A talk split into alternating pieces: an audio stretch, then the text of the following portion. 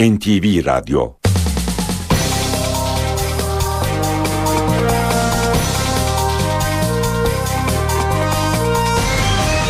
İşe Giderken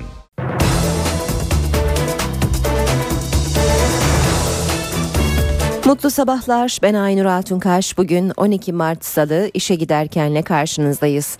Bugün de saat 9'a kadar Türkiye ve dünya gündemindeki gelişmeleri, gazete manşetlerini, piyasa verilerini, yol ve hava durumlarını aktaracağız. Önce gündemin öne çıkan başlıklarına bakıyoruz.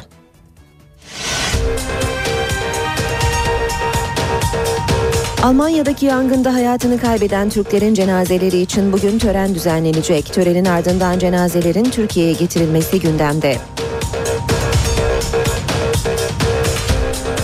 PKK'nın kaçırdığı kamu görevlilerinin bugün ya da yarın serbest bırakılması bekleniyor. Kamu görevlilerini getirmek için BDP'li vekillerin de bulunduğu bir heyet bugün Kuzey Irak'a geçecek.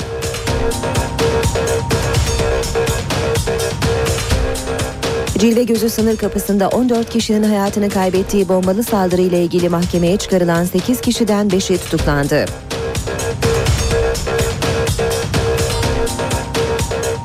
Ergenekon davasında dünkü duruşma gergin geçti. Jandarma ekibiyle sanık avukatları arasında arbede çıktı.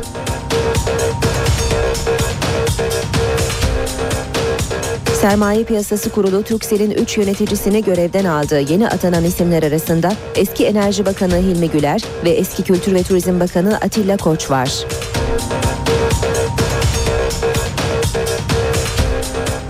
...16. Benedikt'in istifasından sonra yeni papanın belirleneceği seçim süreci bugün başlıyor. Kardinaller yeni papayı belirlemek için Sistine Şapeli'ne kapanacak.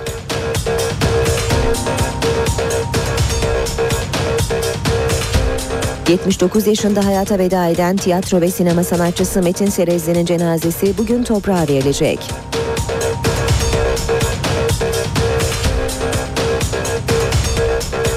Galatasaray UEFA Şampiyonlar Ligi ikinci tur rövanş maçında Almanya'nın Schalke 04 takımıyla karşılaşacak. Maç saat 21.45'te Star TV'den ve NTV Radyo'dan canlı yayınlanacak. İşe giderken gazetelerin gündemi.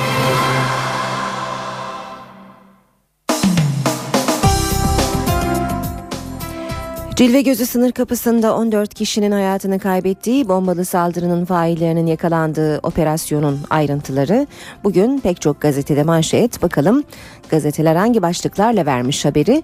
Vatan gazetesi 35 bin dolara bombaladılar diyor manşette. Cilve Gözü sınır kapısındaki bombalı saldırıyı düzenleyen 3 Suriyeli MIT istihbaratıyla yakalandı. Eylem için 35 bin dolar aldıklarını itiraf ettiler. Hatay'da 14 kişinin öldüğü bombalı saldırının izini süren MIT ve Emniyet 3 Suriyelinin kimliklerini tespit etti. Saldırıyı organize eden AB, Türkiye sınırında bombalı aracı getiren YB ile eşi ZŞ Suriye'de yakalandı. Türkiye'deki operasyonda 5 kişi gözaltına alındı. Suriye Gizli Servisi El Muhaberat'a çalışan 3 kişi eylem talimatını 35 bin dolara Esad'a bağlı Zırhlı Birlikler Komutanı Ahmet Havvas'tan aldıklarını itiraf etti. Kadın bombacı ZŞ, kocası araç sürücüsü YB ile abi organizatör AB Adana cezaevine konuldu deniyor haberde. Radikal gazetesi Cilve Gözü'nde muhaberat izi demiş manşette. Cilve Gözü sınır kapısında 17 kişinin öldüğü saldırıyla ilgili 8 kişi yakalandı. Zanlılardan 5'i tutuklandı. İçişleri Bakanı'na göre saldırganlar el muhaberat bağlantılı ve eylem için 35 bin dolar aldılar. İçişleri Bakanı Muammer Güler'in açıklamasını görüyoruz. Radikal'de şahısların ikisi patlamayı gerçekleştiren araçta gelen kişiler Suriye'ye kaçmışlardı. Oradan getirildiler. Yeni Şafak'ta da haber manşette Operasyon Laskiye manşetiyle çıkmış Yeni Şafak ve 15 e, Şubat'taki e, Yeni Şafak manşetinde saldırganların Laskiye'den emir aldığı yazıldığı hatırlatılıyor. 17 kişinin öldüğü bombalı saldırıdan sonra Suriye'ye kaçan 3. bombacının da Laskiye'de olduğunun belirlendiğini yazıyor Yeni Şafak gazetesi. Habertürk'te de bombacılar Suriye'de paket başlığıyla görüyoruz haberi. 17 kişiyi öldüren 5 bombacı yakalandı diyor gazete. İkisi sınır ötesi operasyonla Suriye'de ele geçti. Haberi Cumhuriyet gazetesi de bombacılara gözaltı başlığıyla birinci sayfadan vermiş. Sabah gazetesi ise evet cilve gözü Esad'ın işi çıktı demiş başlıkta teslimat e, talimat üst düzey Suriyeli subaydan deniyor. Milliyet gazetesi de cilve gözü saldırganlarının tutuklandığını yazarken Saldırıda Suriye'nin istihbarat örgütü El Muhaberat'ın parmağı olduğunun daha önce yazıldığı e, hatırlatılıyor okurlara. Hürriyet gazetesi de 35 bin dolara bombaladık başlığıyla haberi vermiş. Cilve gözü itiraf ediyor. 14 kişinin öldüğü saldırıyla ilgili 8 kişi gözaltına alındı ve bombacılar suçlarını itiraf ettiler deniyor. Diğer haberlerle devam edelim. Hürriyet gazetesinde Yeğen Barzani'de 2500 fişek başlığı manşette. Kuzey Irak Bölgesel Kürt Yönetimi Başbakanı Neçirvan Barzani'nin yeğeni Matin Barzani'nin geçen Aralık ayında Türkiye'ye yivli setli tüfek fişeği sokmaya çalışırken yakalandığı ve mahkemece tutuklandığı ortaya çıktı deniyor haberde. Okulda su tankı dehşeti. Bodrum Yalıkavak'taki Neşe Doğan İlköğretim Okulu'nun çatısında duran bir ton kapasiteli boş su tankı rüzgardan uçup bahçede oynayan 10 yaşındaki Pınar Sagıt'la Nazlı Altun'un üzerine düştü. Beyin kanaması geçiren ve ameliyata alınan Pınar hayati tehlikeyi atlattı. Nazlı'nın durumu iyi. Ve Galatasaray siyah bantla Almanya'daki yangında hayatını kaybeden 8 Türk için Galatasaray siyah bantla çıkacak bugün e, maça Schalke 04 karşısına. Bugün saat 21.45'te başlayacak maçın Star TV ve NTV Radyo'dan da canlı olarak yayınlanacağını hatırlatalım. Milliyet gazetesiyle yine devam edelim. Bombacının kapıyı çaldığı an diyor Milliyet manşette. Amerikan Büyükelçiliğindeki patlamadan önce alınan son görüntülere yer vermiş Milliyet, üzerini aratmayan canlı bomba bu karelerden saniyeler sonra düğmeye bastı denirken söz konusu fotoğraflar Milliyet'in manşetinde yer almış. Dinlemede en kritik karar, dinleme kararlarının uygulanmasını sağlayan yönetmeliği durduran Danıştay İdari Dava Daireleri Kurulu, Adalet Bakanlığı'na senin bu konuda düzenleme yetkin yok dedi. Devam edelim basın özetleri aktarmaya. Sabah gazetesinde manşet 10 yaşında kızı evlendirdiler. Küçük gelinler doğum için hastaneye başvurunca büyük sırları ortaya çıktı. Anadolu'nun sosyal yarası sonunda en büyük kente de sıçradı. İstanbul'da biri 10, Üçü 13, biri de 14 yaşındaki 5 kız yaşı büyük erkeklerle evlendirildi. Damatlar arasında 33 yaşında olan bile vardı. Kızlar hamile kalıp da hastaneye gidince ailelere ve damatlara cinsel istismar suçundan dava açıldı. Kapılar barış için çalacak, çalınacak. Erdoğan'dan AK Parti örgütüne talimat bölgede evlere gidip süreci anlatın. Çözüm süreci için AK Parti Güneydoğu'da özel çalışma başlatıyor. Hedefte öncelikle Siirt ve Şırnak var. Bu iki ilde her kapı çalınacak ve süreçle ilgili bilgi verilecek. Bayraklar yarıda dostluk zirvede diyor sabah. İsveç kralı Gustav'ın amcasının eşi Prenses Lilia'nın ölümüne rağmen güle görkemli karşılama bozulmadı. Kral Gustav'ın e, nezaketine karşı Türkiye'de jest yaptı ve İsveç'teki temsilciliklerimizde Türk bayrakları yarıya indirildi. Cumhuriyet manşette söz yok yumruk var diyor. Silivri'de savunmanın sesi kesildi, mikrofonlar kapatıldı, avukatlar salondan atıldı. Ergenekon davası gergin anlara sahne oldu. Sanık avukatlarının getirdikleri tanıklar yine dinlenmezken diğer talepler de geri çevrildi. Mustafa Balbay konuşurken mikrofonu kapatıldı. Balbay milli irade ayaklar altına alınmaktadır. Hukuk ayaklar altında dedi. Tanık olarak gelen eski Başbakanlık Müsteşarı Yazıcıoğlu idam sehpasında bile tanıklık talebi dinlenir diyerek tepki gösterdi. 15 dakikalık savunmaya itirazla salondan görüntü alındığı iddiasıyla başlayan tartışma yumruklaşmaya vardı. Sürpriz itiraz başlığını Cumhuriyet'te görüyoruz. AKP'nin yüksek yargının tek çatı altında birleştirilmesi ve Hakimler ve Savcılar Yüksek Kurulu üye seçimi önerisine 12 Eylül referandumuyla oluşturulan HSYK bile karşı çıktı. Kurul üyelerinin en az yarısının hakim ve savcılar tarafından seçilmesini istedi demiş Cumhuriyet haberinde. Cenazeye birlikte katıldılar. Baykal'ı evinden aldı. Siyasette alışık olmadığımız olay dün kulislerde heyecan yarattı. CHP lideri Kılıçdaroğlu eski Kayseri Belediye Başkanı Bahçecioğlu'nun cenazesine gitmek için eski Genel Başkan Baykal'ı evinden aldı.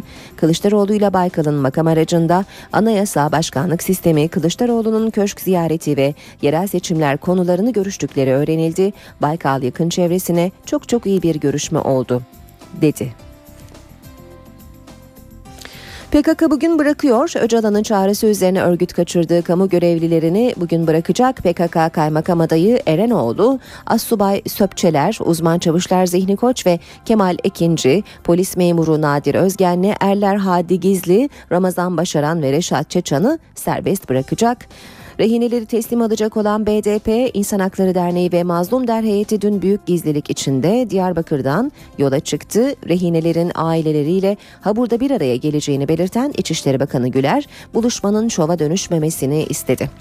PKK'nın e, rehineleri bugün ya da yarın serbest bırakması bekleniyor e, sayın dinleyenler. Cumhuriyet Gazetesi e, bugün demiş. Vatan Gazetesi de e, bugün olacağını e, belirtiyor serbest bırakışların. İki yıl sonra eve dönüş başlığıyla vermiş haberi. PKK İmralı'nın çağrısının ardından iki yıl önce kaçırdığı 8 kamu görevlisini bugün bırakıyor deniyor haberde. Keşke hepsini kurtarabilseydim. Yine vatandan okuyoruz. Almanya'da 8 Türk'ün ölümüyle sonuçlanan yangının ayrıntıları netleşiyor. Bar işleten Yunan Christos Kiroglu İtfaiye gelmeden içeri girip anne anne dayı ve bir çocuğu çıkardım ama keşke hepsini kurtarabilseydim demiş. Antibiyotikler terörden beter. İngiliz Sağlık Bakanı uyardı. Antibiyotik kullanımı böyle sürerse 20 yıl içinde en basit ameliyatlarda bile ölüm riski oluşacak. Antibiyotik direnci terör tehdidi kadar önemli. 200 yıl geriye gidebiliriz demiş Vatan Gazetesi haberinde. Habertürk'te sürmanşet çocuk parasıyla yaşıyorlardı. Almanya'daki yangında 7 çocuğuyla ölen annenin çocuk parasıyla geçimini sağladığı ifade ediliyor. Ayda 1879 euroluk çocuk yardımıyla geçin, e, geçindiğini ifade ediyor e, Nazlı Özcan'ın evin elektrik tesisatının da bozuk olduğu ifade ediliyor. Çeyrek final hayal değil. Galatasaray çeyrek final için birbirin rövanşında Alman Schalke 04 ile oynuyor. Gruplardan deplasman galibiyetleriyle çıkan sarı kırmızılılara bol gollü beraberlik bile yetiyor demiş Habertürk haberinde.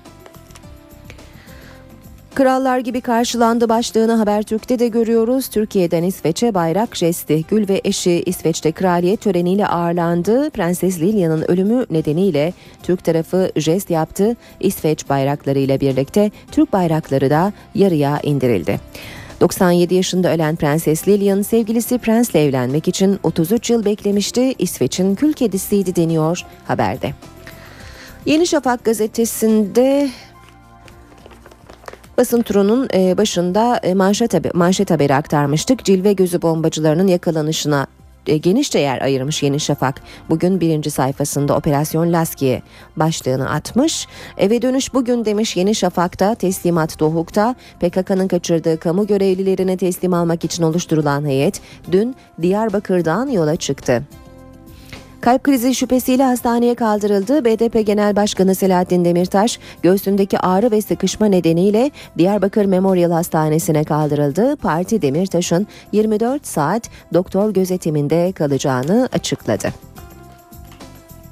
Ve Radikal gazetesiyle bitirelim bu bölümü. Çekilin çağrısı Nevruz'dan önce. Öcalan PKK'ya çatışmasızlık ve çekilin çağrısını Nevruz'da yapacaktı. Ancak Nevruz'un çatışma yerine bir barış şenliğine dönüşmesi için çağrıyı Nevruz'dan önce yapması bekleniyor. Kısa bir aramız var şimdi gündeme yakından bakmaya devam edeceğiz. 7.18'i gösteriyor saatimiz. İşe giderken de birlikteyiz. PKK'nın kaçırdığı kamu görevlilerinin bugün ya da yarın serbest bırakılması gündemde.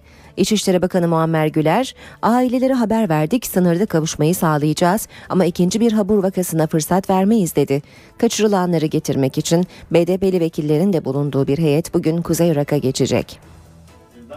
Hidayet Özgen, iki yıl önce PKK'nın kaçırdığı polis memuru Nadir Özgen'in babası. İpilen çekiyoruz, ipilen. Ge- günler geçmek bilmiyor. Bekliyorum. Osman Başaransa, geçen yıl Benim Diyarbakır gözüm- Bingöl Karayolu'nda kaçırılan 3 askerden Ramazan Başaran'ın babası. Bekliyorum. Benim gözüm her her gece gündüz biz ağlıyor. Tıpkı diğer aileler gibi aylardır çocuklarına kavuşmayı bekliyorlar. Ailelere müjdeli haberi İçişleri Bakanı Muammer Güler verdi. Ailelerine kavuşabilecekler mi efendim? İnşallah ailelerine kavuşmasını bekliyoruz. Ee, kaçırılan kamu görevlilerinin e, ailelerine de haberdar ettik. Kamu görevlileri için bir heyet Kuzey Irak'a gidecek. akşam saatlerinde veya yetişmezse çarşamba günü sabah saatine sarkabilecek e, şahısları teslim almak üzere e, BDP tarafından 3 milletvekillik bir heyet. Sabahat Tuncel, Adil Kurt, Hüsamettin Zenderlioğlu, aynı zamanda İnsan Hakları Derneği Başkanı Öztürk Türkdoğan, İnsan Hakları Derneği Diyarbakır İl Başkanı Raci Bilici ve Mazlum Der Genel Başkanı Ahmet Faruk Ünsal'ın da heyette yer aldığı bilinmektedir. Habur'da da bir karşılama heyeti bulunacak. İçişleri Bakanlığı Müsteşar Yardımcısı Başkanlığındaki heyette savcıyla sağlık personeli olacak. Güler karşılama sırasında ikinci bir Habur vakası yaşanmayacağını vurguladı. Kesinlikle böyle bir şeye fırsat verilmeyecektir. Bunu buradan ifade ediyorum. Kendilerinin de bu anlayışı göstermelerini bekliyoruz. Böyle bir şeye fırsat vermemiz mümkün değildir. İnsan Hakları Derneği'ne yapılan resmi başvurulara göre PKK'nın elinde 10 kişi bulunuyor. Bir asubay, iki uzman çavuş, bir kaymakam adayı, 3 er, bir polis memuru ve iki korucu başı serbest bırakılmayı bekliyor. Ancak örgüte yakın internet sitelerinde PKK'nın elinde 8 kişi olduğu ve bunların serbest bırakılacağı belirtildi. İşe giderken Almanya'daki yangında 7 çocuğuyla beraber hayatını kaybeden Türk annenin ölümü gündemin en önemli başlıklarından. Alman polisi pazar günü sabah karşı yaşanan yangının nedenini belirlemeye çalışıyor. Kundaklamaya ilişkin bir ipucu bulunamadı. Elektrik kontağı şüphesi ağır basıyor. Cenazelerin ise bugün Türkiye'ye getirilmesi bekleniyor. Alman polisi Banknan kasabasında bir Türk ailesini yok eden yangının nedenini bulmak için seferber olmuş durumda. Yangının çıktığı evde inceleme yapan polis kundaklama izine rastlamadı. Teknik arıza ihtimali üzerinde duruyor. Yangının elektrik kontağından çıkma ihtimali ağırlık kazanıyor. Banknank'ta Türkiye'nin Berlin Büyükelçisi Hüseyin Avni Karslıoğlu ile basın toplantısı düzenleyen Eyalet Emniyet Müdürü Wolf Hammann, Türk polisiyle çalışabileceklerinin mesajını da verdi. Şu an için teknik bir arıza dışında hiçbir kundaklama ya da saldırı belirtisi yok. Ancak buna rağmen yine de tüm detaylarıyla araştırmaya devam ediyoruz. Türk polisiyle çalışmaya açığız. Her şeyi yaptığımıza emin olabilirsiniz. Büyükelçi Karslıoğlu da otopsilerin tamamlanmasının ardından cenazelerin Türkiye'ye gönderilebileceğini belirtti. Yabancı karşıtlığı dahil her olasılık değerlendiriliyor diyen Karslıoğlu'nun Almanya'daki Türklere mesajı da. Biz ayrışmayı değil bütünleşmeyi, beraber katılımı, ortak yaşamımızı devam ettirmeyi arzuluyoruz. Bu arada Almanya Başbakanı Angela Merkel de yangının kendisini derinden sarstığını belirtti. Merkel, yetkili birimlerin yangının nedeni bulunana kadar konunun peşini bırakmayacağından şüphesi olmadığını vurguladı. Almanya'daki yangınla ilgili ilk bulgular kundaklama olmadığını gösteriyor. Ancak Almanya'da geçmişte Türklere yönelik çok sayıda kundaklama olayı yaşanmıştı. Alman yetkililer bu nedenle son olayda %100 emin oluncaya kadar kundaklama ihtimalini araştırmaya devam ediyor. Geçmişte yaşanan kundaklama olaylarını ise kısaca hatırlayalım. Almanya'daki varlığı 50 yılı geçen Türklere yönelik öne çıkan ilk kundaklama vakası 1992 yılında Möln kentinde yaşandı. Aşırı sağcı Alman grupların Molotov kokteyli attığı bir evde 3 Türk öldü. Olayla ilgili yakalanan iki kişi 10 yıl hapis cezasına çarptırıldı. Biri 4 yıl sonra serbest bırakıldı. Tarihler 1993 Mayıs ayını gösterirken genç ailesinin Solingen'deki evi bir bidon benzinle kundaklandı. Saldırıda evde bulunan 5 kişi hayatını kaybetti. Karlsruhe kentinde 1996'da yakılan bir binada ise 3 Türk öldü, failler bulunamadı. 2008 yılının Şubat ayında bir yangın haberi de Ludwigshafen'dan geldi. 9 Türk'ün hayatını kaybettiği yangında Onur Bebeğin kurtarılma görüntüsü hafızalara kazındı. Polis Ludwigshafen yangınının nedenini bulamadı. Dosya kapatıldı. Alman güvenlik birimleri aşırı sağcı gruplara yönelik operasyonlarını yoğunlaştırsa da 2008 yılı ülke genelinde kundaklama olaylarıyla geçti. Yüzden fazla vaka kayıtlara geçti. Dortmund kenti de 2012 yılında yeni bir kundaklama vakasıyla sarsıldı. Çıkan yangında 3 kardeş hayatını kaybetti. Almanya'da sadece 2012'de Türklere yönelik 11 kundaklama teşebbüsü olmak üzere 67 ırkçı eylem yaşandığı rapor edildi. Başbakan Yardımcısı Bülent Arınç, Almanya'da 8 Türk'ün hayatını kaybettiği yangında Türkiye'nin soruşturma sürecini yakından takip edeceğini söyledi. Bakanlar Kurulu toplantısının ardından konuyla ilgili açıklamalarda bulunan Arınç, şüphesiz böyle bir yangın olayı olduğunda geçmişte yaşanan acı olayları hatırlamamak ve o olaylarla bağlantı kurmamak mümkün olmuyor. Türkiye olarak bu olayın sonuna kadar takipçisi olacağımızı tekrar ifade etmek istiyorum dedi. İşe giderken Cilve Gözü sınır kapısında 14 kişinin hayatını kaybettiği bombalı saldırıyla ilgili önemli gelişmeler yaşandı. Emniyet ve Milli İstihbarat Teşkilatı'nın takibiyle yakalanan 5 zanlı çıkarıldıkları mahkemede tutuklandı. Dördü Suriyeli, biri Türkiye Cumhuriyeti vatandaşı. Özel yetkili mahkemeye tutuklama talebiyle sevk edildi. Hatay'ın Cilve Gözü sınır kapısında 14 kişinin ölümüne neden olan patlamanın birinci ayında 5 şüpheli yakalandı. İçişleri Bakanı Muammer Güler şüphelilerden ikisinin bizzat patlamanın gerçekleştiği araçla gelen kişiler olduğunu söyledi. Soruşturmanın perde arkasındaysa MİT, Emniyet İstihbarat ve Terörle Mücadele Dairesi'nin müthiş bir çalışması yatıyor. NTV'nin edindiği bilgiye göre istihbarat birimleri önce Türkiye ayağındaki isimlerin izini sürdü. İki kişi tespit edildi. Uzun süre izlenen iki kişinin Suriye'deki bağlantılarıyla temasa geçmesi beklendi. Patlayıcı yüklü aracı sınır kapısına getiren AB ve YB'nin Halep yakınlarındaki bir yerleşim biriminde yaşadığı belirlendi. İddiaya göre istihbarat birimleri bu kişilerin kaldığı 3 ayrı adresi muhalif gruplara verdi. Muhalifler içinden seçkin bir birim bombacı iki kişiyle birlikte yardım ve yataklık yaptığı belirtilen ZŞ'yi yakalayarak sınırda Türk güvenlik birimlerine teslim etti. Olay iddianameye bağlandıktan ve yargı süreci bittikten sonra belki filmlere konu olabilecek çok önemli operasyonlarla bu sonuca varılmıştır. Esad'ın kontrolündeki bölgeye kaçtığı belirlenen bir şüpheliye ise ulaşılamadı. İçişleri Bakanı Muammer Güler ellerindeki bulguların Suriye istihbaratını işaret ettiğini vurguladı. Evet, evet Suriye istihbaratıyla, ordu yetkilileriyle e, irtibatlı olduklarını tespit ettik. Tabii bunlar yargı aşamasında ortaya çıkacak. Adana'da terör suçlarına bakan başsavcı vekilliğince sorgulanan zanlılar çıkarıldıkları mahkemece tutuklanarak cezaevine gönderildi. Türkiye'de Suriyeli sığınmacıların barınma ve diğer ihtiyaçlarının karşılanması için harcanan miktar 1,5 milyar dolar. Birleşmiş Milletler'le yeni bir protokolde imzalandı. Buna göre Birleşmiş Milletler 3 milyon dolar destek sağlayacak. Bu protokolle göre ayrıca Türkiye kamplar dışında yaşam mücadelesi veren Suriyelilere de ulaşmaya çalışacak. Suriyeli sığınmacıların Türkiye'ye maliyeti 1,5 milyar dolara ulaştı. Rakamı Türkiye'deki sığınma kamplarının organizasyonundan sorumlu Afet ve Acil Durum Yönetimi Başkanı Fuat Oktay açıkladı. Bugün itibariyle 750 milyon TL'ye yakın bir rakamımız. Sadece AFAD'ın sadece AFAD'ın kaynaklarından nakit olarak bu harcanan miktardır. Ama Birleşmiş Milletler standartlarında hesapladığınızda yaklaşık 1,5 milyar dolara karşılık gelmektedir bu. Türkiye'ye maliyetidir bu.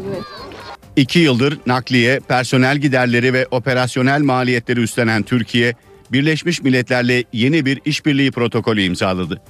Protokole göre Türkiye'de kamplar dışında yaşam mücadelesi veren Suriyelilere de ulaşılmaya çalışılacak. Kamp dışında kalan Suriyeliler ve yardım etmek isteyen kişi ve kurumlar kayıt altına alınacak. Birleşmiş Milletler projeye 3 milyon dolar destek verecek. Protokolü imzalayan Birleşmiş Milletler Mülteciler Yüksek Komiseri Antonio Guterres, rakamın okyanusta bir damla olduğu görüşünde. Bu çok büyük bir yatırım gerektiren proje. Bizim yardımımız da okyanusta bir damla kadar. Ancak kalpten gelen bir yardım. Türkiye'deki operasyona katkı vermeye devam edeceğiz. Ama ne yaparsak yapalım yaptıklarımızı beşle çarpsak bile Türkiye'nin yaptıklarına yaklaşamayız. Bu nedenle uluslararası topluma bir kez daha yardım için çağrıda bulunuyorum.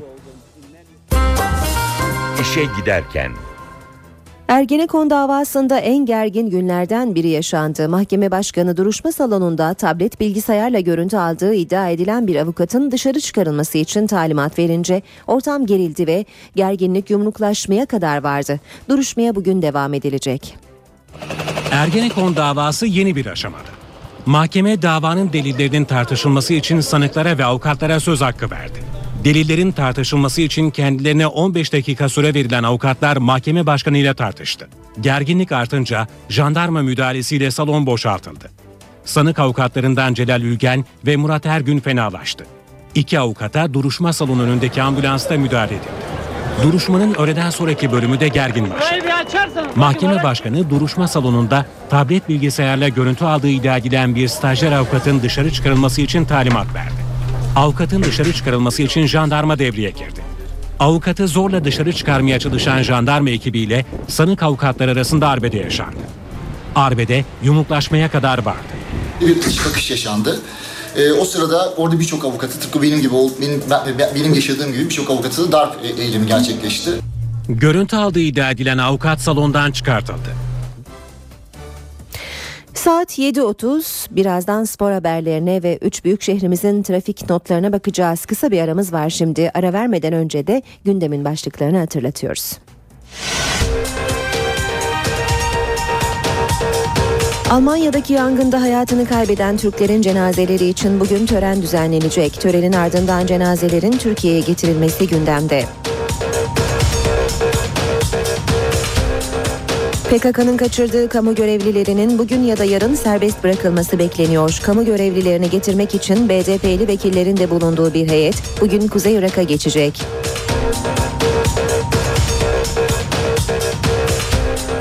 Cilve Gözü sınır kapısında 14 kişinin hayatını kaybettiği bombalı saldırıyla ilgili mahkemeye çıkarılan 8 kişiden 5'i tutuklandı.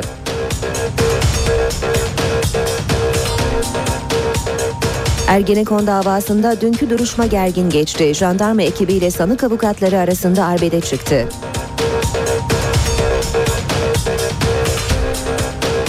Sermaye Piyasası Kurulu Türksel'in 3 yöneticisini görevden aldı. Yeni atanan isimler arasında eski Enerji Bakanı Hilmi Güler ve eski Kültür ve Turizm Bakanı Atilla Koç var.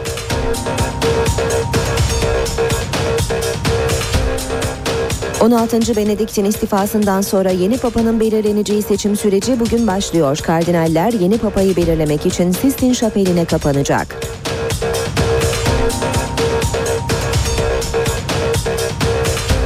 ...79 yaşında hayata veda eden tiyatro ve sinema sanatçısı Metin Serezli'nin cenazesi bugün toprağa verilecek.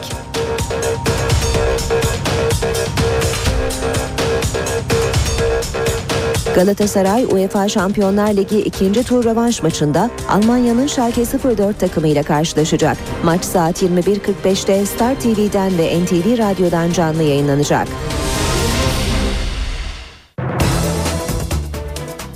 Saat 7.37 işe giderken de birlikteyiz. Ankara, İstanbul ve İzmir'in trafik notlarıyla bu bölüme başlayalım ardından spor haberlerine geçeceğiz. İstanbul'da yer yer yağış olduğu için zemin kaygan. Bu arada şiddetli rüzgar da var. Ee, hemen bakalım trafikte hangi olumsuzluklar yaşanıyor. Öncelikle hatırlatalım e, Boğaziçi Köprüsü Balmumcu katılımı trafiğe kapalı. Yıldız katılımını kullanmanız gerekiyor. Ee, Anadolu yakasında da Bağlarbaşı Altunizade yönünde yol bakım çalışması olduğunu hatırlatalım. Bir araç arızası var.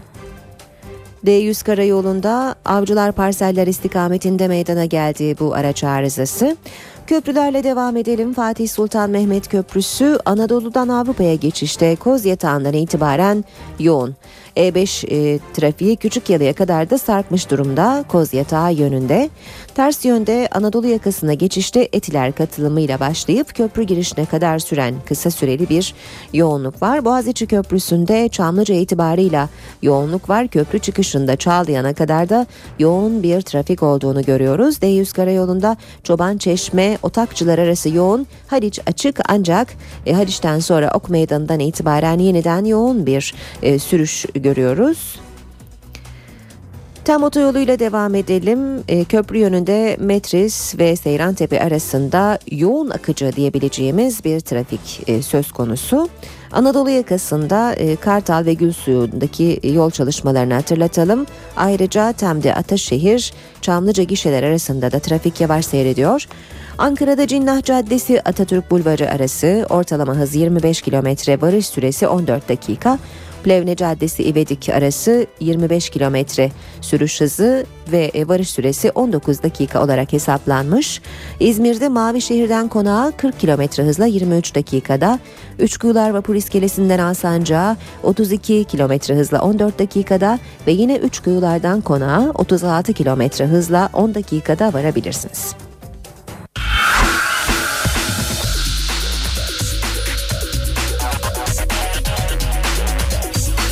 Spor sayfaları.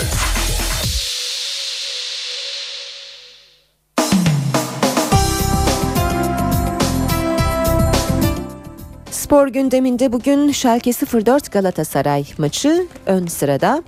Habertürk'le başlayalım. Sen kükre biz coşalım demiş Habertürk. Aslan tarihi bir başarının daha peşinde. Şampiyonlar Ligi'nde birbirin rövanşında Schalke 04 önünde. Turu geç biz de sokaklara taşalım hazırız aslanım demiş Habertürk gazetesi. Yine Habertürk'ten okuyalım. Cezayı kaldıralım. UEFA Fenerbahçe yönetimine yol gösterdi. Türkiye Futbol Federasyonu ile hazırlanıp gelin dedi ve ekledi. Fenerbahçe'ye UEFA'dan müjde, Bate maçında alınan bir maç seyircisiz oynama cezasını kaldırmayan disiplin kurulu, iki yıl içinde olayların tekrarı halinde Avrupa'dan men cezası konusunda ise yönetime yol gösterdi. Randevu alınacak. UEFA Disiplin Kurulu'ndan gelen bu müjdenin ertesinde Fenerbahçe yönetimi hemen kolları sıvadı. Sarı lacivertli yönetim Türkiye Futbol Federasyonu ile iletişim kurup konuyla ilgili bir komite oluşturacak. Çalışmalar hazırlandıktan sonra ise UEFA'dan bu konuyla ilgili randevu alınacak ve tekrar güçlü bir savunma yapılacak. Milliyet e, gazetesiyle devam edelim. Ancak hemen yine İstanbul trafiğinden şimdi elimize ulaşan bir haberi aktaralım. D100'de Kartal Pendik yönünde bir araç arızası meydana geldi. Zaten o bölgede bir yol çalışması var ve bu olumsuzluğunda trafiğe e, hayli olumsuz bir katkısı olacağını söyleyebiliriz. Milliyet gazetesiyle devam edelim spor haberleri aktarmaya. Şans bizden yana olsun demiş Milliyet. Galatasaray Teknik Direktörü Fatih Terim tur için umutlu olduğunu söyledi. Umarım son Schalke maçındaki gibi değil bu kez şans bizden yana olur. Kaç tane top direkten döndü istatistiki yapmaktansa yol deyip e, gol deyip geçmek daha iyi olur dedi. Cimbom Şampiyonlar Ligi ikinci tur rövanşında Schalke karşısına çeyrek final için çıkacak. Nasıl tur atlar sorusuna yanıt veriyor Milliyet. Galatasaray Türk Telekom Arena'da 1-1 berabere kaldığı Schalke karşısında turu geçmek için gol atmak zorunda.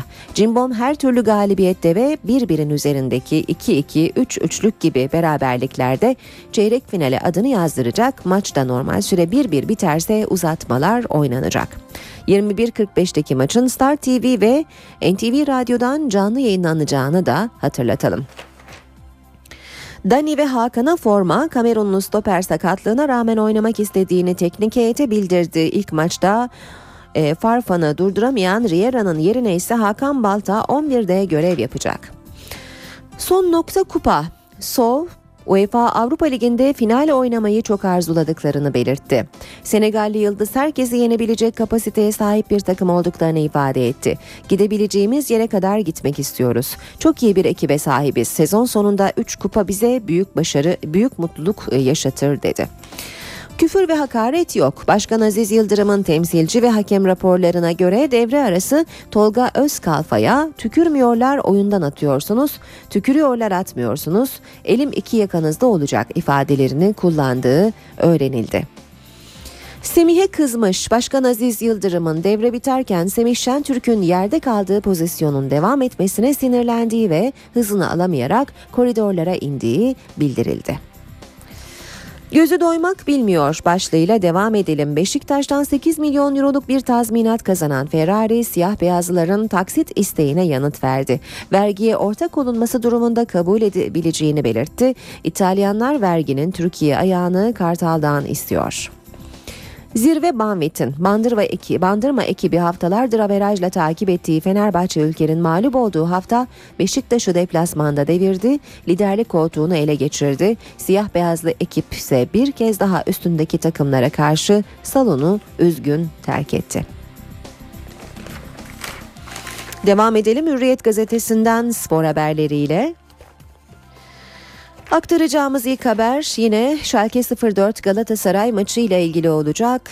İmparator gelsin sallasın. Gurbetçiler Almanya'da Galatasaray takım otobüsünün önünü kesti.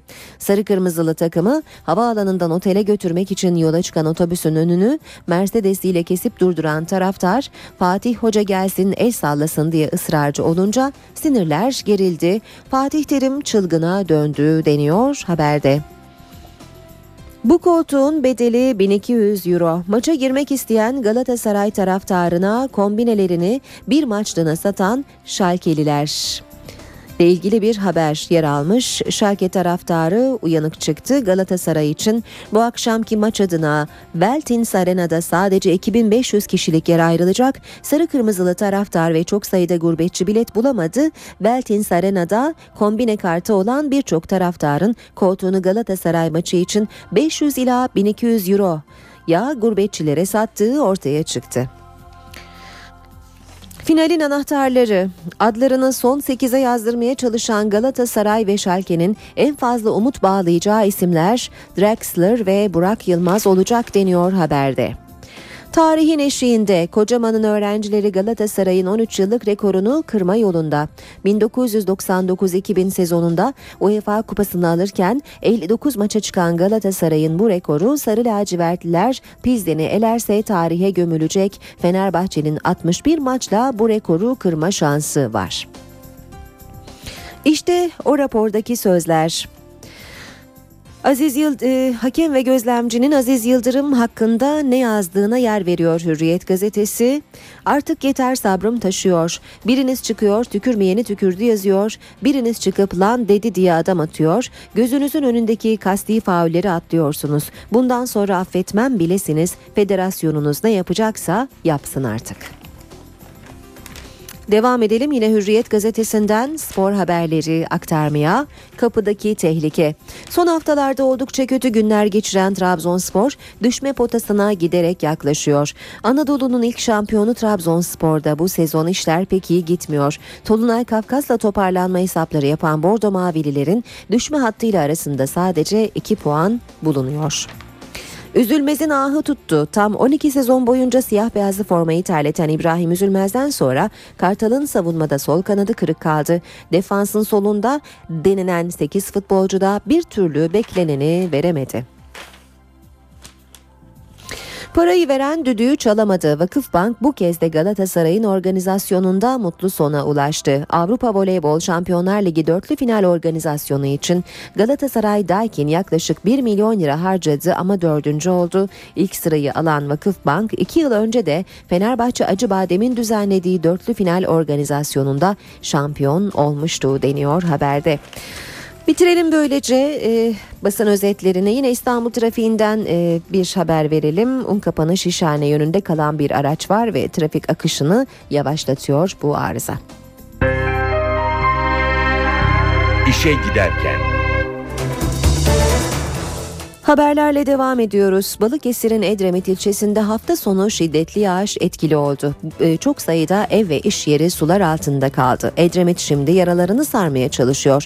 Ancak selzedeler gerekli yardımın gelmediğinden şikayetçi. Edremit'te sel sitenin isnat duvarını yıktı, 15 otomobil kullanılamaz hale geldi. Sel mağduru Edremitliler hasar tespit çalışmalarının geç başlamasına tepki gösterdi. Kalabalık zararlarının karşılanması için İzmir-Çanakkale karayolunu kapattı. İlçede hafta sonu etkili olan şiddetli sağanak dereleri taşırdı. Sel ev ve iş yerlerini de su altında bıraktı. Çorabımıza kadar her şey ıslanmış hiç kuru bir şeyimiz yok. Yeni mal geldiydi mahvoldu onu da borçla harçla aldıydım. Edremit çayının ve birçok derenin önünün künklerle kapatılması felakete davetiye çıkardı. Dere taşınca ilçe suyla kaplandı. Karayollarından tutun, DSİ'den tutun, belediyelerden tutun, bütün kurumların ve insanlarımızın da maalesef e, işte yapılaşmanın yani ciddi burada hatalar var. Su basan evlerde tahliyenin ardından hummalı bir çalışma başladı. Çamura bulanan eşyalar temizlendi. Hiçbir eşyamızı kurtaramadık. Bütün e, ev eşyaları, çamaşırlar, yataklar tamamen koltuklar hepsi ıslak. Akçay, Zeytinli ve Kadıköy beldelerinde hasar büyük. Evlerinde mahsur kalanlar, boğulma tehlikesi atlatanlar oldu. Bez tıkıyorum fışkırıyor. Kömür çuvaltını koyuyorum gene aynı. Böyle çocuklarım buraya kadar. Diğerlerini kapıdan hemen komşularım aldı. Almasa çocuklarım ufak değil.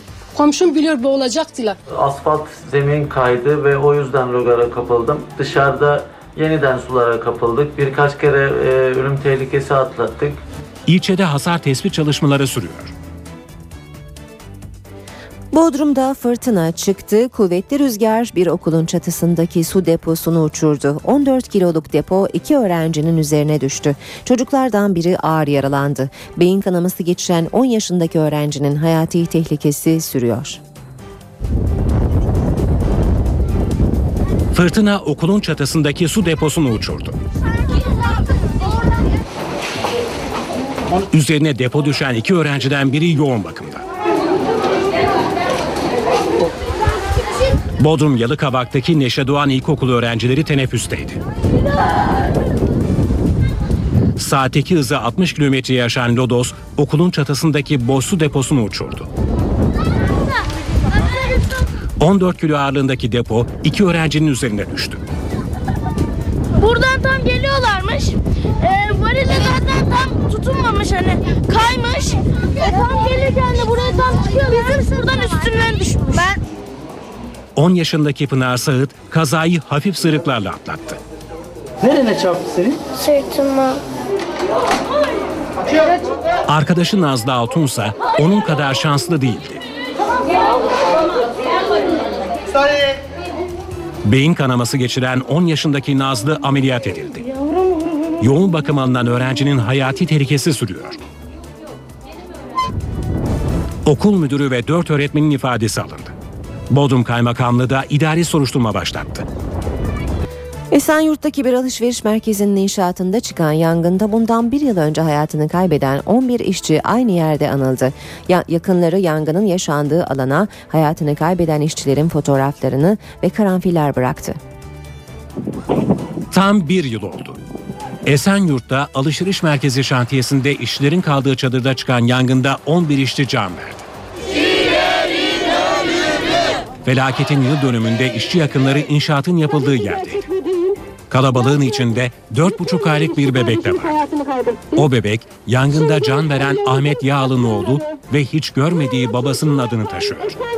Annesi Selma Yağal, davadan çekilmeleri için para teklif eden şirket yetkililerine tepkili. 40 milyar para vereceğiz. Şikayetçi olmasın diyerekten benim avukatıma telefon açılıyor. Eğer insan olsaydım bana bu teklifi etmezdim. Senin de evladın var. Varsa bana bu teklifi yapma kardeşim. Benim eşim parayla ölçülecek bir insan değil. İnşaat alanındaki çadırda hayatını kaybeden işçilerin yakınları ihmal olduğunu düşünüyor. Şu adamın üç tane evladı var. Birisi askerde, ikisi hastanede. Bunlar yazık değil mi? Serdin Özen'in tam 6-7 tane çocuğu var. Küçük çocukları. Hepsi perişan oldular. Yani acımız çok büyük. İşçi ölümlerine son platformu da işçi yakınlarına destek verdi. Şuraya bir konteyner yapsalardı fazla mı olurdu? Şuraya bir düzgün ısıtıcı sistemi koysalardı fazla mı olurdu? Bu işçi kardeşlerimiz neden ölmüş? O uyduruk çadırlarda yatırılmak zorunda kaldıkları için ölmüş. Demek ki bu bir maliyet konusu.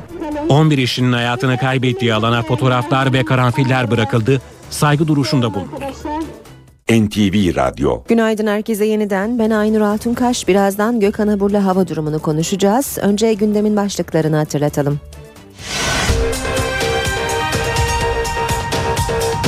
Almanya'daki yangında hayatını kaybeden Türklerin cenazeleri için bugün tören düzenlenecek. Törenin ardından cenazelerin Türkiye'ye getirilmesi gündemde. PKK'nın kaçırdığı kamu görevlilerinin bugün ya da yarın serbest bırakılması bekleniyor. Kamu görevlilerini getirmek için BDP'li vekillerin de bulunduğu bir heyet bugün Kuzey Irak'a geçecek.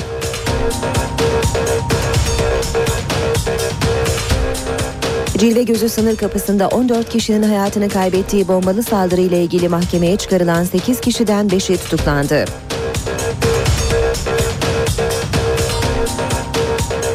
Ergenekon davasında dünkü duruşma gergin geçti. Jandarma ekibiyle sanık avukatları arasında arbede çıktı.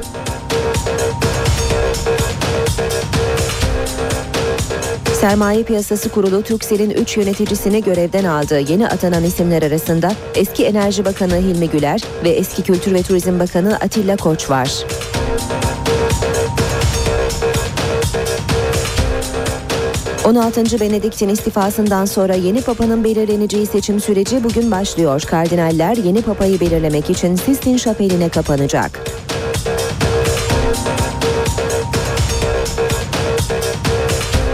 79 yaşında hayata veda eden tiyatro ve sinema sanatçısı Metin Serezli'nin cenazesi bugün toprağa verilecek.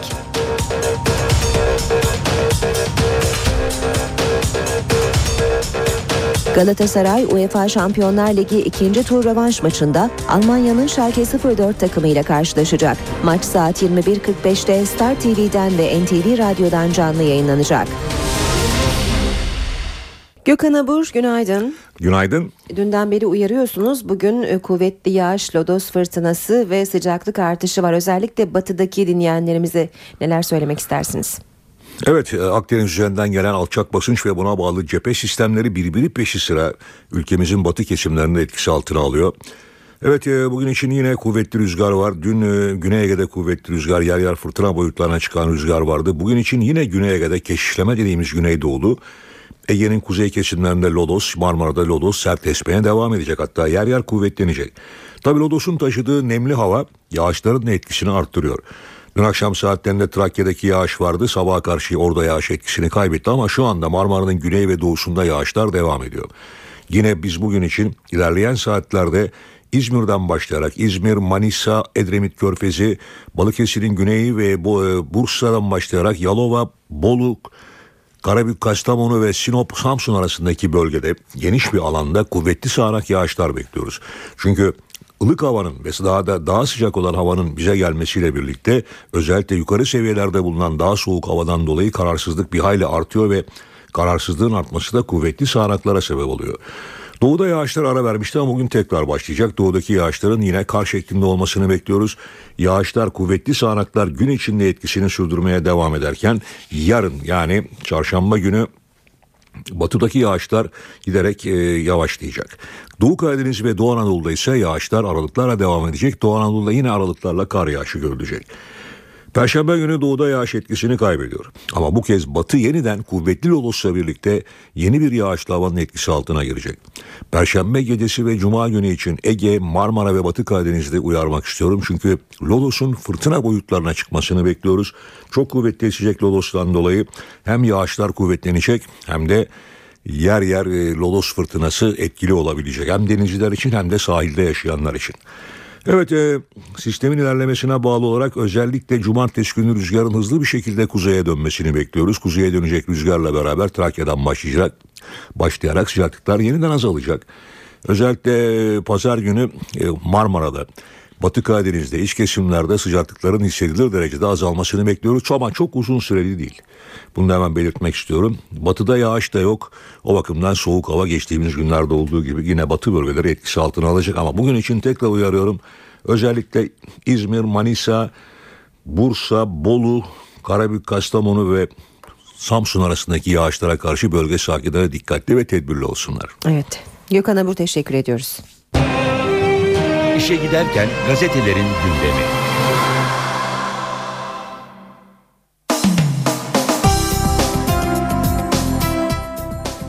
Cilve Gözü sınır kapısında 14 kişinin hayatını kaybettiği bombalı saldırı ile ilgili operasyon bugün e, pek çok gazetede manşetlerde yer almış. Hızlıca bakalım hangi gazeteler hangi başlıklarla haberi vermiş. Radikal gazetesi Cilve Gözü'nde muhaberat izliyor. Cilve Gözü sınır kapısında 17 kişinin öldüğü saldırı ile ilgili 8 kişi yakalandı. Zanlılardan 5'i tutuklandı. İçişleri Bakanı'na göre saldırganlar el muhaberat bağlantılı ve eylem için 35 bin dolar aldılar. Vatanda 35 bin dolara bombaladılar başlığıyla haberi vermiş. Operasyona ilişkin ayrıntıları görüyoruz. Cilve Gözü sınır kapısındaki bombalı saldırıyı düzenleyen 3 Suriyeli MİT istihbaratıyla yakalandı. Hatay'da 14 kişinin öldüğü bombalı saldırının izini süren MİT ve Emniyet 3 Suriyelinin kimliklerini tespit etti. Saldırıyı organize eden AB Türkiye sınırında bombalı aracı getiren YB ile eşi ZŞ Türkiye'de yakalandı. Türkiye'deki operasyonda 5 kişi gözaltına alındı. Suriye Gizli Servisi El Muhaberat'a çalışan 3 kişi eylem talimatını 35 bin dolara Esad'a bağlı Zırhlı Birlikler Komutanı Ammit Havvas'tan aldıklarını itiraf etti. Milliyet gazetesi de cilve gözü saldırganları tutuklandı demiş ve Suriye'nin istihbarat örgütü El Muhaberat'ın saldırıda parmağı olduğunu daha önce yazdığını okurlarına hatırlatmış. Sabah gazetesi de evet cilve gözü Esad'ın işi çıktı diyor haberle ilgili olarak talimat üst düzey Suriyeli subaydan. Yeni Şafak'ta da Operasyon Laskiye başlığıyla haberi görüyoruz manşette. Cilve gözü saldırganları film gibi operasyonla yakalandı. Bomba, e, bombalı aracı bırakıp Suriye'ye kaçan biri kadın iki teröristin yerini muhalifler tespit etti. Türkiye'den giden özel ekip bombacıları Laskiye yakınlarında paketledi. Üç terörist ise Hatay'da yakayı ele verdi. E, Yeni Şafak gazetesi e, saldırıda e, saldırıda Laskiye izi olduğunu daha önceden de yazdığını hatırlatıyor. E, talimatın Laskiye'den geldiğini belirtiyor. Cumhuriyet gazetesi bombacılara gözaltı demiş haberle ilgili olarak. Başlıkta sınırı geçen Türk polisi cilve gözü saldırısının zanlısı iki Suriyeliyi Türkiye'ye getirdi deniyor.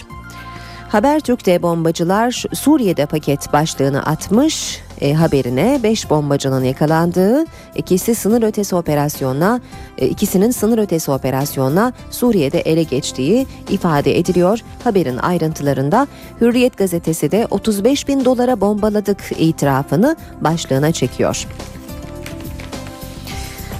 Diğer haberlerle devam edelim basın özetlerine. Zamanda Amanoslardaki tüm PKK'lıların kimlikleri deşifre oldu. Başlığını manşette görüyoruz. Provokatif eylem hazırlığında olduğu iddia edilen 51 teröristin kimlikleri belirlendi. PKK'nın Amanoslar yapılanması üyesi teröristlerin isimleri, fotoğrafları, kod adları ve örgütteki görevleri tek tek deşifre edildi. Grubun sorumlusu Masiro Kod adlı Bedirhan Abo'nun eylemler için Kandil tarafından görevlendirildiği ortaya çıktı. Hürriyet Yiyen Barzani'de 2500 fişek diyor manşette. Kuzey Irak Bölgesel Kürt Yönetimi Başbakanı Neçirvan Barzani'nin yeğeni Matin Barzani'nin geçen Aralık ayında Türkiye'ye yivli setli tüfek fişeği sokmaya çalışırken yakalandığı ve mahkemece tutuklandığı ortaya çıktı deniyor. Cumhuriyet gazetesi söz yok yumruk var demiş manşetinde. Silivri'de savunmanın sesi kesildi, mikrofonlar kapatıldı, avukatlar salondan atıldı. Ergenekon davası gergin anlara sahne oldu. Sanık avukatlarının getirdikleri tanıklar yine dinlenmezken diğer talepler de geri çevrildi. Mustafa Balbay konuşurken mikrofonu kapatıldı. Balbay milli irade ayaklar altına alınmaktadır, hukuk ayaklar altında dedi. Tanık olarak gelen eski başbakanlık müsteşarı Yazıcıoğlu idam sehpası davasında bile tanıklık talebi dinlenir diyerek tepki gösterdi. 15 dakikalık savunmaya itirazla salondan görüntü alındığı iddiasıyla başlayan tartışma yumruklaşmaya vardı. Sürpriz itiraz başlıklı haberle devam edelim Cumhuriyet'ten. AKP'nin yüksek yargının tek çatı altında birleştirilmesi ve HSYK üye seçimi önerisine 12 Eylül referandumuyla oluşturulan HSYK bile karşı çıktı. Kurul üyelerinin en az yarısının hakim ve savcılar tarafından seçilmesini istedi. PKK'nın elindeki kamu görevlilerinin bugün serbest bırakılması, bugün ya da yarın serbest bırakılması beklentisi var. Ee, bazı gazetelerde birinci sayfalarda görüyoruz haberi. Ee, hemen bu konuyla ilgili bir sıcak gelişmeyi duyuralım. Ee, Değişik tarihlerde Diyarbakır, Van, Muş, Bingöl ve Şırnak'tan kaçırılan kamu görevlilerin teslim alınması için oluşturulan heyetin Habur gümrük sahasına e, girdiğini öğrendik. Kuzey Irak'a geçmek üzere heyet Habur gümrük kapısına girdi. E, birazdan ayrıntıları da aktaracağız. Devam ediyoruz. E, Vatan gazetesiyle Vatan'da Söz konusu haberi iki yıl sonra eve dönüş başlığıyla birinci sayfadan duyurmuş. PKK İmralı'nın çağrısının ardından iki yıl önce kaçırdığı 8 kamu görevlisini bugün bırakıyor. Kuzey Irak'a giden 3'ü BDP'li 6 kişilik heyet askerleri teslim aldıktan sonra Habur üzerinden Türkiye'ye dönecek. İçişleri Bakanı Muammer Güler ikinci bir Habur yaşanmaması için her türlü önlemin alındığını açıkladı. Efsane başkan buluşturdu. Kılıçdaroğlu Kayseri'nin CHP'li efsane belediye başkanlarından Niyazi Bahçecioğlu'nun cenazesine giderken Deniz Baykal'ı da evinden alarak jest yaptı. İkili Kayseri'ye birlikte gitti. Yan yana saf tuttu, tabutu birlikte omuzladı. Devam ediyoruz. Akşam gazetesi var ee, sırada. Tozu toprağı altın demiş akşam manşette. Türkiye Büyük Millet Meclisi'nde e, 3100 liraya üniversite mezunu 22 temizlikçi çalışıyor. Bu da meclis temizlik raporu. Meclisin kadrolu 215 yardımcı personelinden 22'si 4 yıllık üniversite mezunu. Alanlarında iş bulamadıkları için parlamentonun temizlik hizmetlerinde istihdam edilen görevliler aylık ortalama 3100 lira maaşla çalışıyor. 8 milyonluk mucize. Bu başarı öyküsü fileye sığmıyor. Futbola vakıf dersi. 27 yıldır voleybola hizmet eden Vakıfbank 8 milyon liraya kurduğu takımla Avrupa şampiyonu olduğu futbol kulüplerine tanıtım dersi verdi. 345 milyon liralık Fenerbahçe ve 340 milyonluk Galatasaray'ın yapamadığını yapan Vakıfbank Avrupa'nın ikinci kez bir numarası oldu deniyor haberde. Habertürk'le devam edelim. Habertürk'te çocuk parasıyla yaşıyorlardı demiş sürmanşette. Yangında 7 çocuğuyla ölen anne çocuk parasıyla geçimini sağlıyordu. Baknan kentinde yaşayan anne Nazlı Özcan'ın iki evlilikten 10 çocuğu vardı. Yoksuldu. Ayda 1879 euroluk çocuk yardımıyla geçiniyordu. Evin elektrik tesisatı bozuktu. Çeyrek final hayal değil. Galatasaray çeyrek final için bir birin rövanşında Alman Schalke 04 ile oynuyor. Gruplardan deplasman galibiyetleriyle çıkan Sarı Kırmızılılarda bol gollü beraberlik, e, Sarı Kırmızılılara bol gollü beraberlik bile yetiyor. 21.45'te başlayacak bu karşılaşma e, Star TV ve NTV Radyo'dan canlı olarak yayınlanacak hatırlatalım. Krallar gibi karşılandı başlıklı haberi de okuyalım. Gül ve eşi İsveç'te kraliyet töreniyle ağırlandı. Prenses Lilia'nın ölümü nedeniyle Türk tarafı jest yaptı. İsveç bayraklarıyla birlikte Türk bayraklı Türk bayrağı da yarıya indirildi. Devam ediyoruz. Sabah gazetesinden haberlerle manşet 10 yaşında kızı evlendirdiler. Küçük gelinler doğum için hastaneye başvurunca büyük sırları ortaya çıktı. Anadolu'nun sosyal yarası sonunda en büyük kente de sıçradı. İstanbul'da biri 10, 3'ü 13, biri de 14 yaşındaki 5 kız yaşı büyük erkeklerle evlendirildi. Damatlar arasında 33 yaşında olan bile vardı. Kızlar hamile kalıp da hastaneye gidince ailelere ve damatlara cinsel istismar suçundan dava açıldı.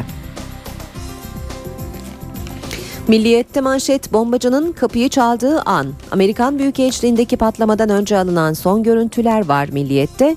İki fotoğraf görüyoruz. Üzerini aratmayan canlı bomba bu karelerden saniyeler sonra düğmeye bastı deniyor haberde. Dinlemede en kritik karar demiş Milliyet. Bir başka haberinde dinleme kararlarının uygulanmasını sağlayan yönetmeliği durduran Danıştay İdari Dava Daireleri Kurulu, Adalet Bakanlığı'na senin bu konuda düzenleme yetkin yok dedi. Danıştay İdari Dava Daireleri Kurulu, telefon dinleme ve teknik takip uygulamalarını düzenleyen yönetmelik hakkında yürütmeyi durdurma kararı verdi. Kurul kararında bu konudaki düzenlemelerin yönetmelikle değil kanunla yapılması gerektiğini belirtti. Son olarak Radikal'den bir haber aktaralım. Çekilin çağrısı Nevruz'dan önce. Öcalan PKK'ya çatışmasızlık ve çekilin çağrısını Nevruz'da yapacaktı. Ancak Nevruz'un çatışma yerine bir barış şenliğine dönüşmesi için çağrıyı Nevruz'dan önce yapması bekleniyor. Ankara gündemi.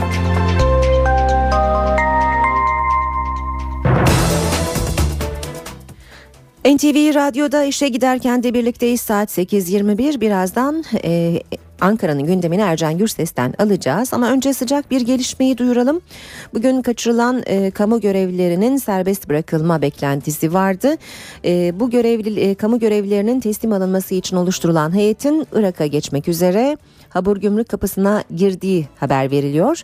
Değişik tarihlerde Diyarbakır, Van, Muş, Bingöl ve Şırnak'tan kaçırılan kamu görevlilerinin teslim alınması için oluşturulan heyet gece konakladıkları Şırnak'ın Cizre ilçesinden yola çıkarak Irak'a geçmek üzere Habur Gümrük sahasına geldi. Bölgeden tüm ayrıntıları e, sizlere aktaracağız ama şimdi Ankara'ya dönelim karşımızda NTV Ankara muhabiri Ercan Gürses var. Ercan günaydın. Günaydın Aynur.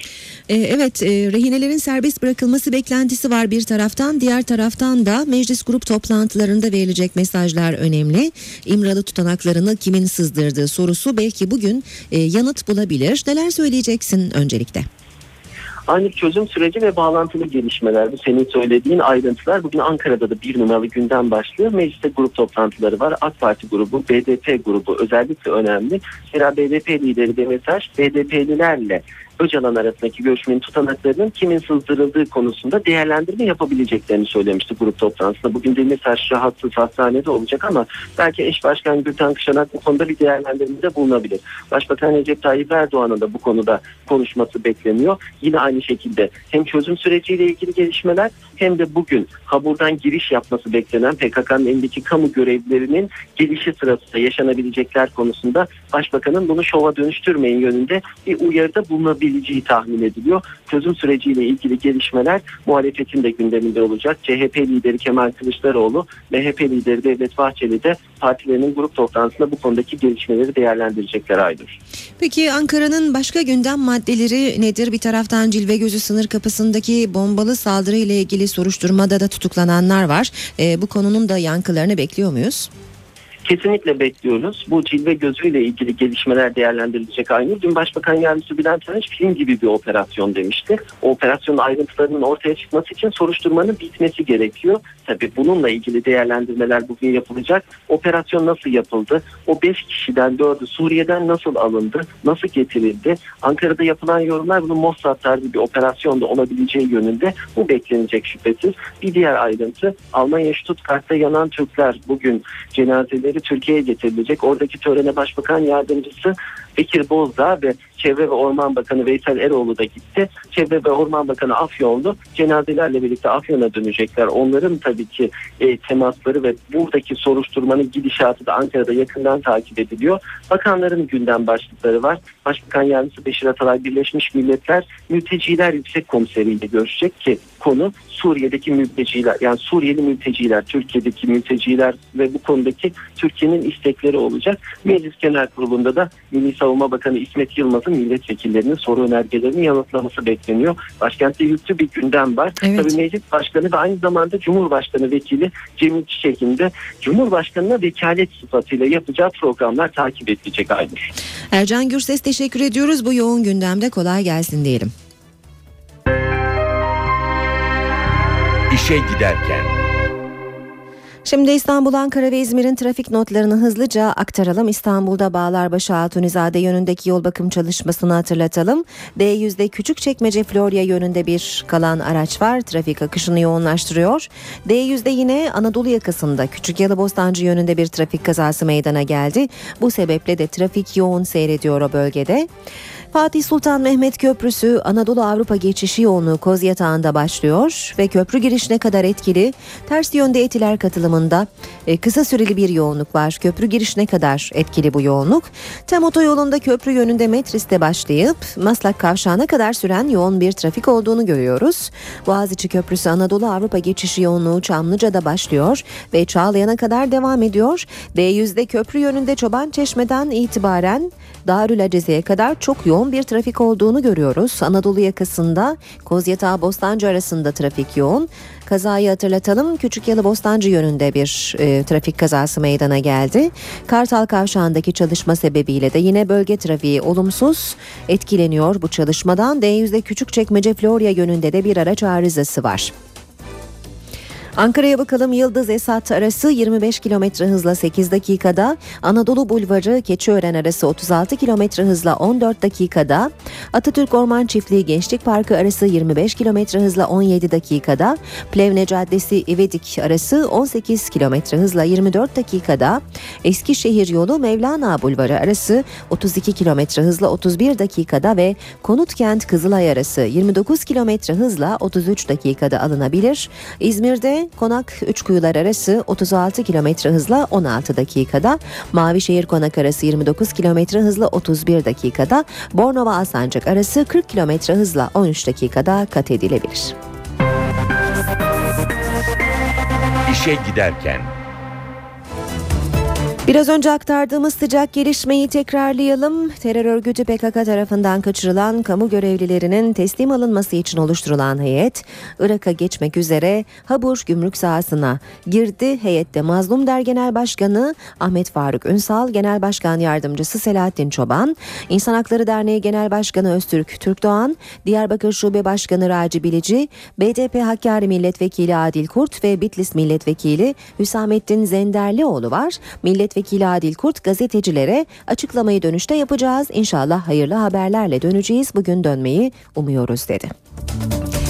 Almanya'daki yangında 7 çocuğuyla beraber hayatını kaybeden Türk anne için bugün cenazelerin cenaze töreni düzenlenecek. Cenazelerin Türkiye'ye getirilmesi bekleniyor. Alman polisi de yangının çıkış sebebini araştırmaya devam ediyor. Yangında hayatını kaybeden çocukların amcası İsa olayla ilgili konuştu. Amca Cengiz Soykan abinin yangının elektrik kontağından çıkmış olabileceği ihtimali üzerinde durduğunu söyledi. Bu evdeki elektrikler firma elektriği olarak yani ev elektriği değil firma elektriği olduğunu söylüyor abim. Ve 2-3 e, tane e, laptoplarının patladığını aşırı elektrik geldiği için ve bunu da ev sahibine söylediğini ve e, mutfak dolaplarının kolları demir olduğu için bazen çocuklara ceyran çarpıyormuş ve oraları kapatmış ve ev sahibine demiş buralardan elektrik geliyor çocuklarıma ceyran çarpıyor buraları e, o, yapalım diye ve kendi gücüne kadar yetiyorsa oraları kapatmaya çalışmış. Ev sahibi tamam bugün yarın bugün yarın diye işte böyle yani bir ihmal var bu bir, kendisini var. suçluyorsunuz. Evet abim de söylüyor. Abim diyor ki ben diyor birkaç sefer söyledim. Eşim söyledi diyor. Yaparım yaparım dedi diyor. Büyük bir ihtimalle elektrikten diyor abim de. Almanya'daki yangında ölen 7 çocuğun amcası Cengiz Soykan abisinden aldığı bilgiler doğrultusunda yangının elektrikten çıkmış olabileceğini söyledi. Abisinin sağlık durumunun iyi olduğunu ve cenazelerle birlikte Türkiye'ye gideceğini söyleyen Soykan, cenazelerin polisin izin vermesi halinde Türkiye'ye gönderileceğini söyledi. Alman polisleri onay verdiği takdirde 12.45 civarında Türkiye'ye cenazeler yola, yola çıkacaklar evet. Ee, Ankara'ya mı İstanbul'a mı gidecek? Ank Ankara'ya gidecekler. Ee, oradan da karayoluyla Afyon'a. Sermaye Piyasası Kurulu Türksel yönetimiyle ilgili önemli bir karar aldı. Türksel'in 3 yöneticisi görevden alındı. Yerine atanan yeni isimlerden ikisi eski Enerji Bakanı Hilmi Güler ile eski Kültür ve Turizm Bakanı Atilla Koç. Türksel Yönetim Kurulu üyeleri Mehmet Bülent Ergin, Tero Erki Kıvisari ve Oleg Adolfovich Malis görevden alındı. Türksel'in 3 ortağını temsilen yönetim kurulunda yer alan bu isimlerin yerine Sermaye Piyasası Kurulu, eski Enerji ve Tabi Kaynaklar Bakanı Mehmet Hilmi Güler, eski Kültür ve Turizm Bakanı Atilla Koç ve Bezmi Alem Vakıf Üniversitesi Mütevelli Heyeti Başkanı Ahmet Akçay'ı atadı. SPK kararıyla yapılan bu önemli değişikliğin nedeni Türksel'in kendisine yapılan bilgilendirme ve uyarılara rağmen bağımsız yönetim kurulu üyeleri atamaması ve esas sözleşme değişikliklerini yapmaması. Sermaye Piyasası Kurulu bu gerekçelere dayanarak yılbaşında yürürlüğe giren yeni Sermaye Piyasası Kurulu kanununun verdiği yetkiyle Türksel yönetiminde değişikliğe gitti. Türksel yönetiminin yarısını oluşturan 3 isim görevden alınırken AK Parti hükümetlerinde de görev almış isimler yeni yöneticiler olarak atandı. Mehmet Hilmi Güler, Atilla Koç ve Ahmet Akça Türksel'de usulüne uygun olarak yeni bağımsız üyeler seçilene kadar görev yapacak. Saat 8.30 piyasalara bakalım şimdi. İMKB 100 endeksi 421 puan azaldı. %0,51 oranında değer kaybetti ve günü 83.119 puandan kapattı. Bu sabah dolar 1.80, euro 2.34'ten işlem görüyor. Euro dolar 1.30, dolar yen 96 düzeyinde. Altının onsu 1581 dolar, kapalı çarşıda külçe altının gramı 92 lira. Cumhuriyet altın 618, çeyrek altın 153 liradan işlem görüyor. Brent petrolün varil fiyatı 110 dolar.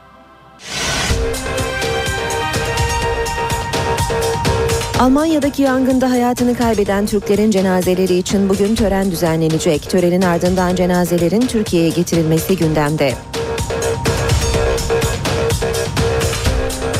PKK'nın kaçırdığı kamu görevlilerinin bugün ya da yarın serbest bırakılması bekleniyor. Kamu görevlilerini getirmek için BDP'li vekillerin de bulunduğu bir heyet bugün Kuzey Irak'a geçecek.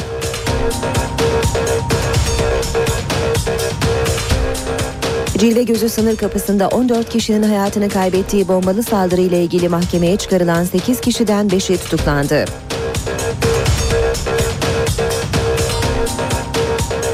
Ergenekon davasında dünkü duruşma gergin geçti. Jandarma ekibiyle sanık avukatları arasında arbede çıktı.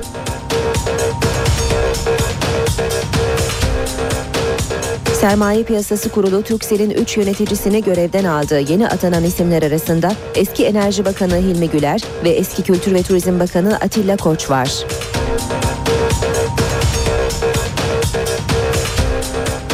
...16. Benedikt'in istifasından sonra yeni papanın belirleneceği seçim süreci bugün başlıyor. Kardinaller yeni papayı belirlemek için Sistine Şapeli'ne kapanacak.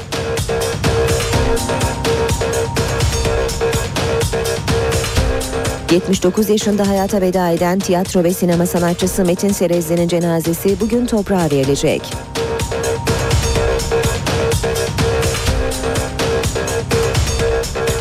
Galatasaray UEFA Şampiyonlar Ligi ikinci tur rövanş maçında Almanya'nın Schalke 04 takımıyla karşılaşacak. Maç saat 21.45'te Star TV'den ve NTV Radyo'dan canlı yayınlanacak.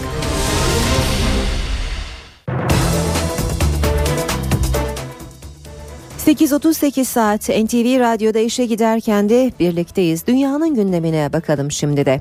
16. Benedikt'in sürpriz istifasından sonra yeni papanın belirleneceği seçim süreci bugün başlıyor. Dünyanın dört bir yanından Roma'ya giden kardinaller yeni papayı belirlemek için Sistine Şapeli'ne kapanacak. Vatikan'ın ünlü Sistine Şapeli'nin kapıları bugün yeni papa seçimi için kilitlenecek.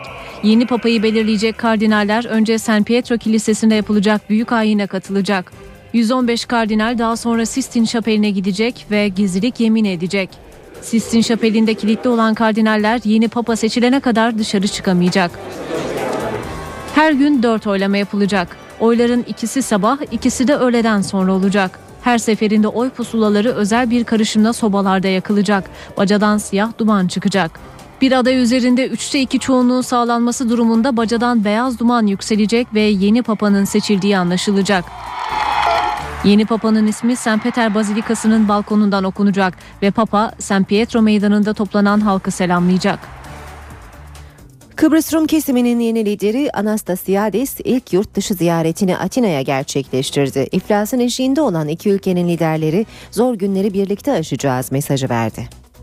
Kıbrıs Rum kesiminin yeni lideri Nikos Anastasiadis ilk yurt dışı ziyaretini beklendiği gibi Atina'ya yaptı. Rum lider Yunanistan Başbakanı Samaras'la bir süre baş başa görüştü. Görüşmenin ardından yapılan ortak basın toplantısında liderler her iki ülkeyi de iflasın eşine getiren ekonomik krize değindi. Güney Kıbrıs'ın ekonomik durumu Yunanistan'ı yakından ilgilendiriyor. Cumhurbaşkanı Anastasiadis'in şartlar el verdiğince Güney Kıbrıs ekonomisini rayına oturtacağından şüphem yok. Kıbrıs Rum yönetimi lideri Anastasiadis de yaptığı açıklamada gelecekten umutlu konuştu.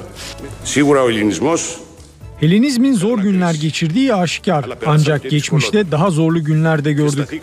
İnatçı ve azimli karakterimiz sayesinde 1974'teki çöküşü mucizeye dönüştürdük.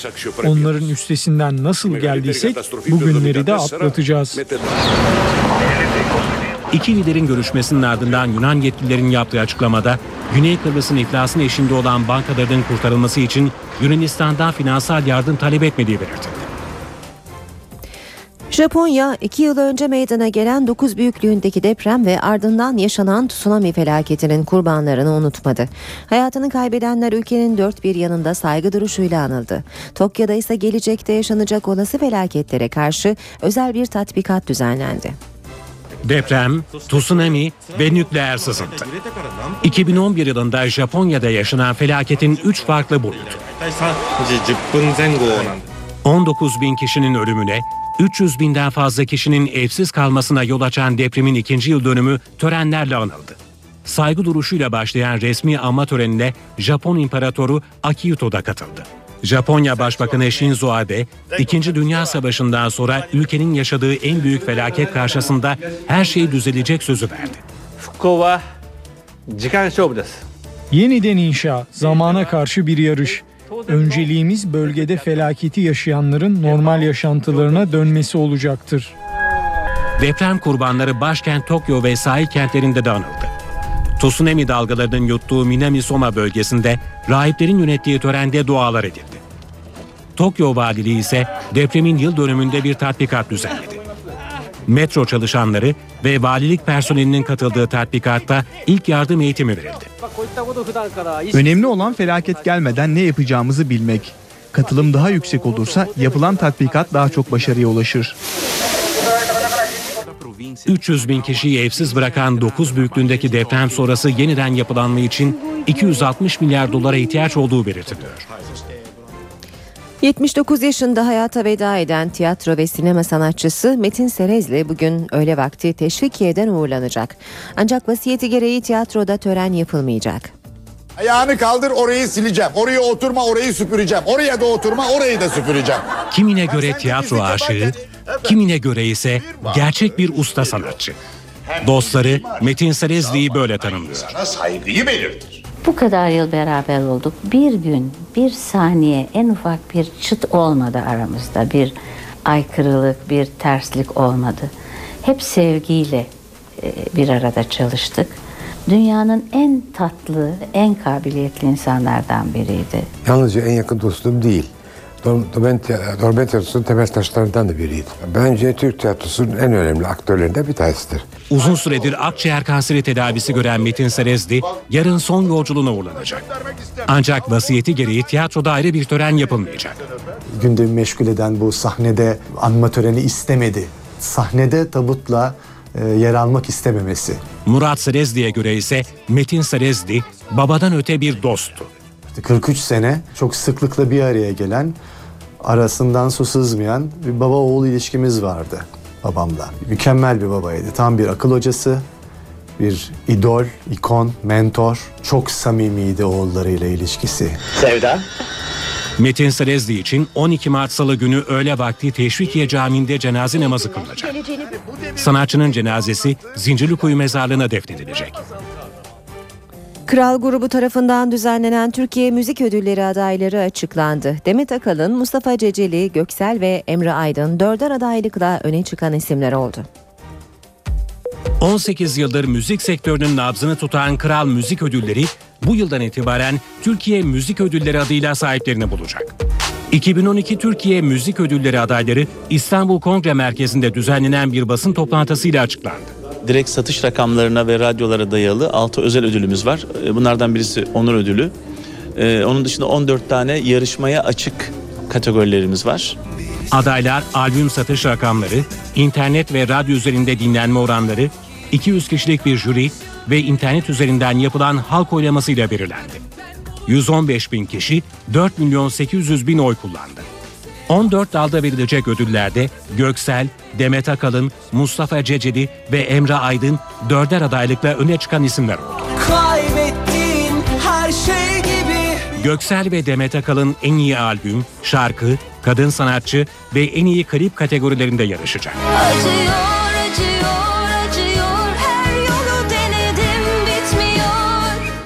Dört adaylığı bulunan Mustafa Ceceli ve Emre Aydın'ın birlikte mücadele edeceği kategorilerse en iyi şarkı ve en iyi erkek sanatçı.